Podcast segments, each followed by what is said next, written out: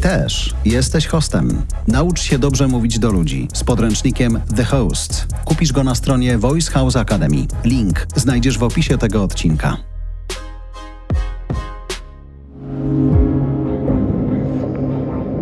Ze studia Voice House specjalna seria podcastów AI in Brief.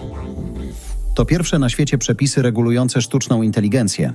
Parlament Europejski i państwa członkowskie Unii uzgodniły porozumienie po 36 godzinach negocjacji.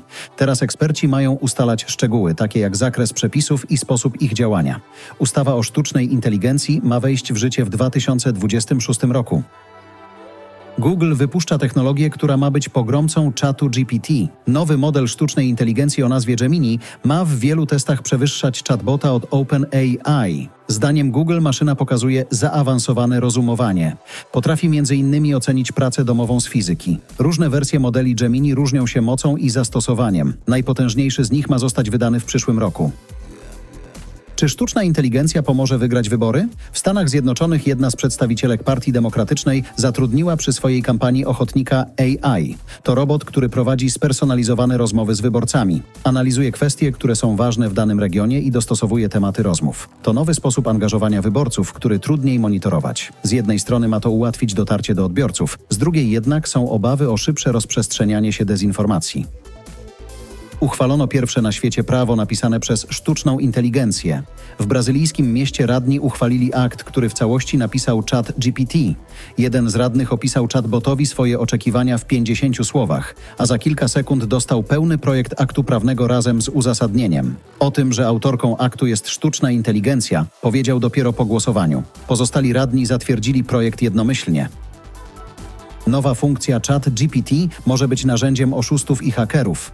Od niedawna użytkownicy chatbota mogą łatwo tworzyć swoich własnych asystentów AI. BBC News sprawdziło, że ta funkcja pozwala przygotować przekonujące maile, wiadomości i posty w mediach społecznościowych do oszustw i włamań. Wykorzystuje techniki nakłaniające ludzi do klikania w linki lub pobierania wysłanych do nich plików. Ogólnodostępna wersja ChatGPT odmówiła napisania większości takich treści. Płatny osobisty asystent zrobił za to prawie wszystko, o co go poproszono.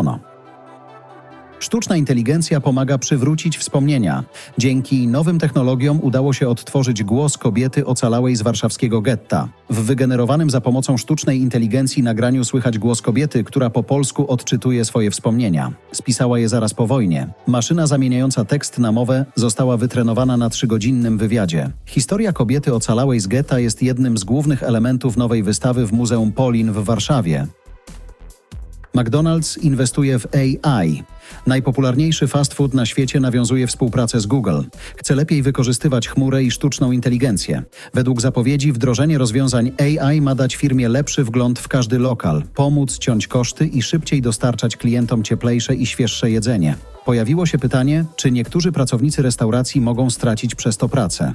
W swoim oświadczeniu McDonald's pisze tylko, że zmiany zapewnią nowe, ekscytujące doświadczenia personelowi i klientom. Ściągnij aplikację Voice House Club. To pomaga budować nam sieć profesjonalnych podcastów. To było AI in Brief, serwis z najnowszymi, sprawdzonymi, ciekawymi informacjami o tym, co nowego wokół sztucznej inteligencji.